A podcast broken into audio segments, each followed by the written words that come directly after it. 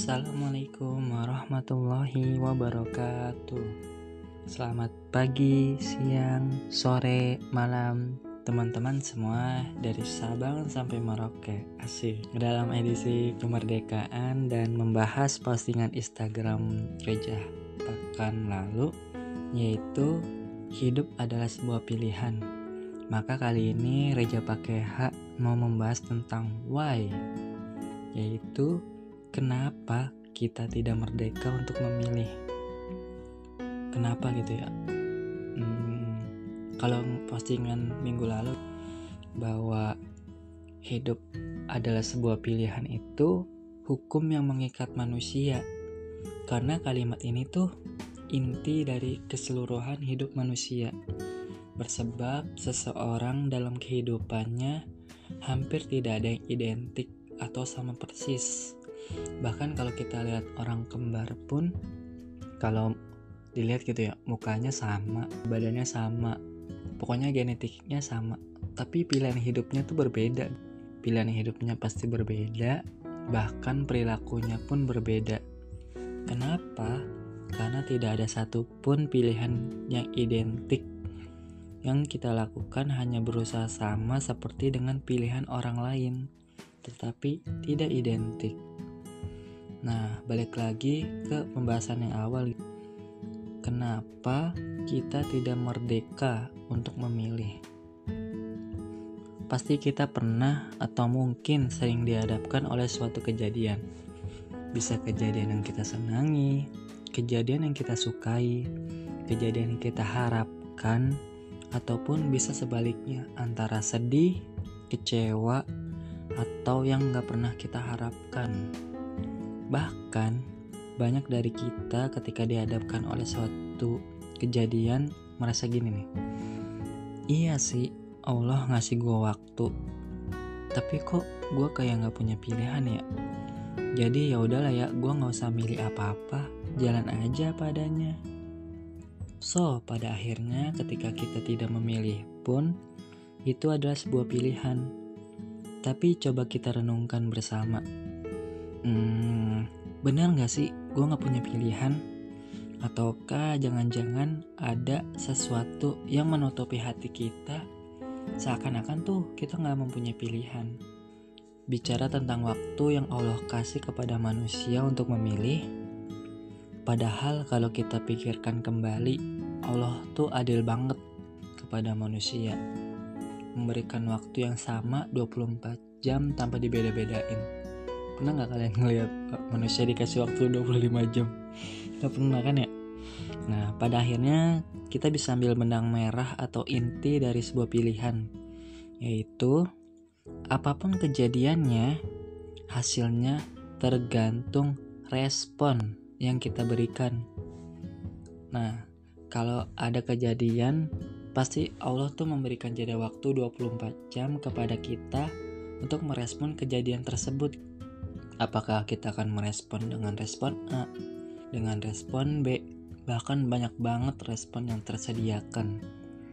Tapi uniknya adalah banyak dari kita merasa tidak punya pilihan, sehingga kita tidak memilih apa-apa atau barangkali gua mah pasrah aja sama pilihan yang udah ada seperti tentang kuliah, profesi, bisnis, ataupun tentang jodoh. Bahkan waktu itu ada yang lucu sih. Kemarin temen Reja nikah terus Reja posting kan. Nah terus temen Reja yang lain nih sebutin gak namanya? Nggak usah deh ya pokoknya ada dia nih. Nah dia bilang wah teman lu nikah aja iya nikah. Nah terus Reja nasihatin kan kalau mencari jodoh tuh ada dua tipe atau dua pilihan. Yang satu memikat, yang satu mencari. Nah, terus dia nanya, terus kalau yang dijodohin gimana aja? Dia cuma bisa jawab, berarti dia tidak merdeka untuk memilih. Waduh. Tapi kenapa gitu ya? Ada orang yang sampai kayak gitu. Kenapa dia merasa bahwa dia tuh nggak punya pilihan? Kalau ditelaah kenapa orang gak memilih, karena disebabkan dua hal. Yang pertama, karena ketutup. Ketutup karena egonya sendiri, merasa dirinya sudah cukup. Sehingga ketika Allah memberikan pilihan-pilihan yang jauh lebih banyak, dia merasa nyaman dengan dirinya. Atau bisa kita sebut terjebak dengan zoman, zona nyaman. Jadi orang ini gak milih padahal masih banyak pilihan yang dikasih melalui pesan tersiratnya pesan tersirat Allah gitu ya. Nah ketika pilihan itu adalah pilihan besar dalam hidup kita so pasti membutuhkan effort yang jauh lebih besar pula. Tapi karena ego kita ini ego kita sudah merasa cukup sehingga kita tidak mengeluarkan usaha apa-apa jangan sampai gitu ya. Ketika waktu kita sudah habis kita baru menyesal aduh gua mah gak pernah dikasih pilihan. Padahal teh ya pilihan selalu di, selalu diberikan oleh Allah gitu. Kitanya aja yang tidak memilih. Lalu yang kedua adalah perasaan yang seharusnya tidak pernah ada. Aduh gimana tuh ya? Nah jadi itu pilihan banyak tapi karena kita lagi nikmat oleh kesedihan kita hmm, kayak gini nih. Kayaknya nggak mungkin bisa deh. Pernah nggak sih kayak, kayak kalian tuh merasa kesedihan kalian tuh kayak gitu tuh menikmati kesedihan kalian.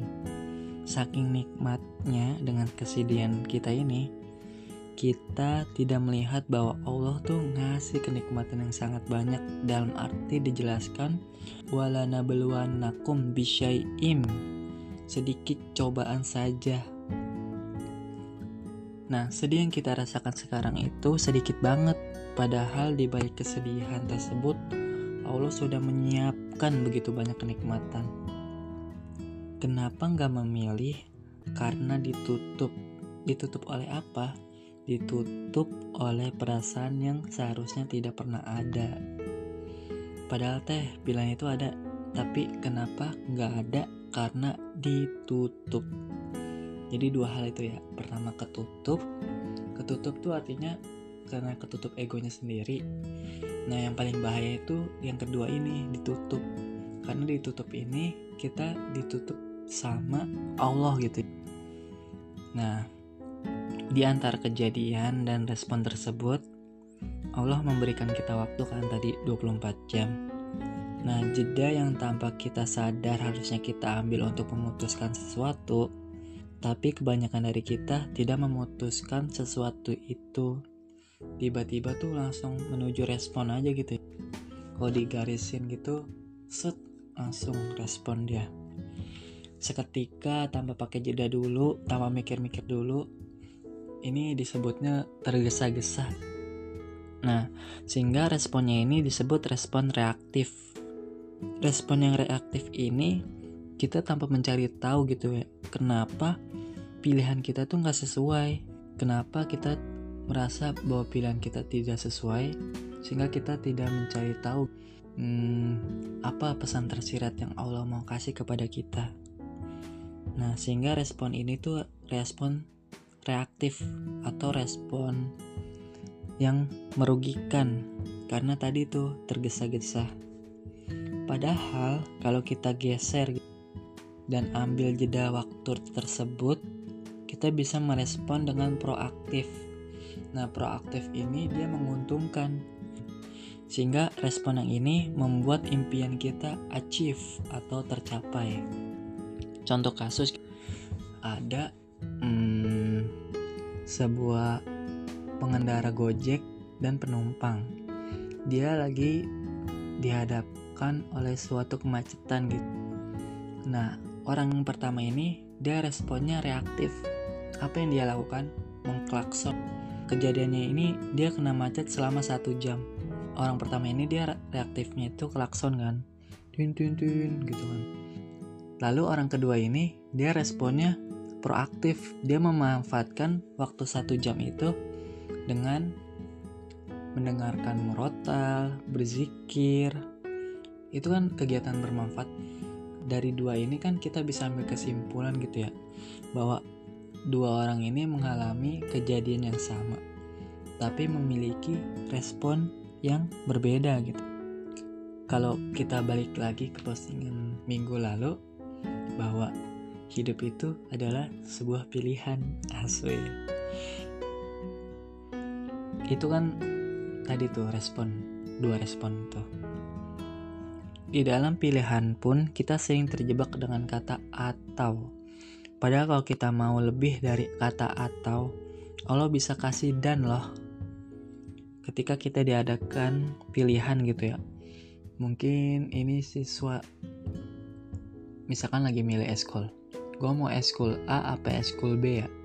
Padahal kalau dia mau, dia bisa milih eskul A dan eskul B. Jadi, balik lagi gitu ke awal, kenapa kita tidak merdeka untuk memilih atau memutuskan sesuatu.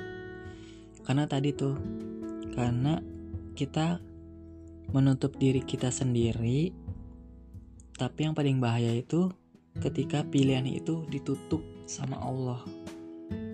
Kenapa kita tidak mempunyai pilihan padahal pilihan itu banyak banget?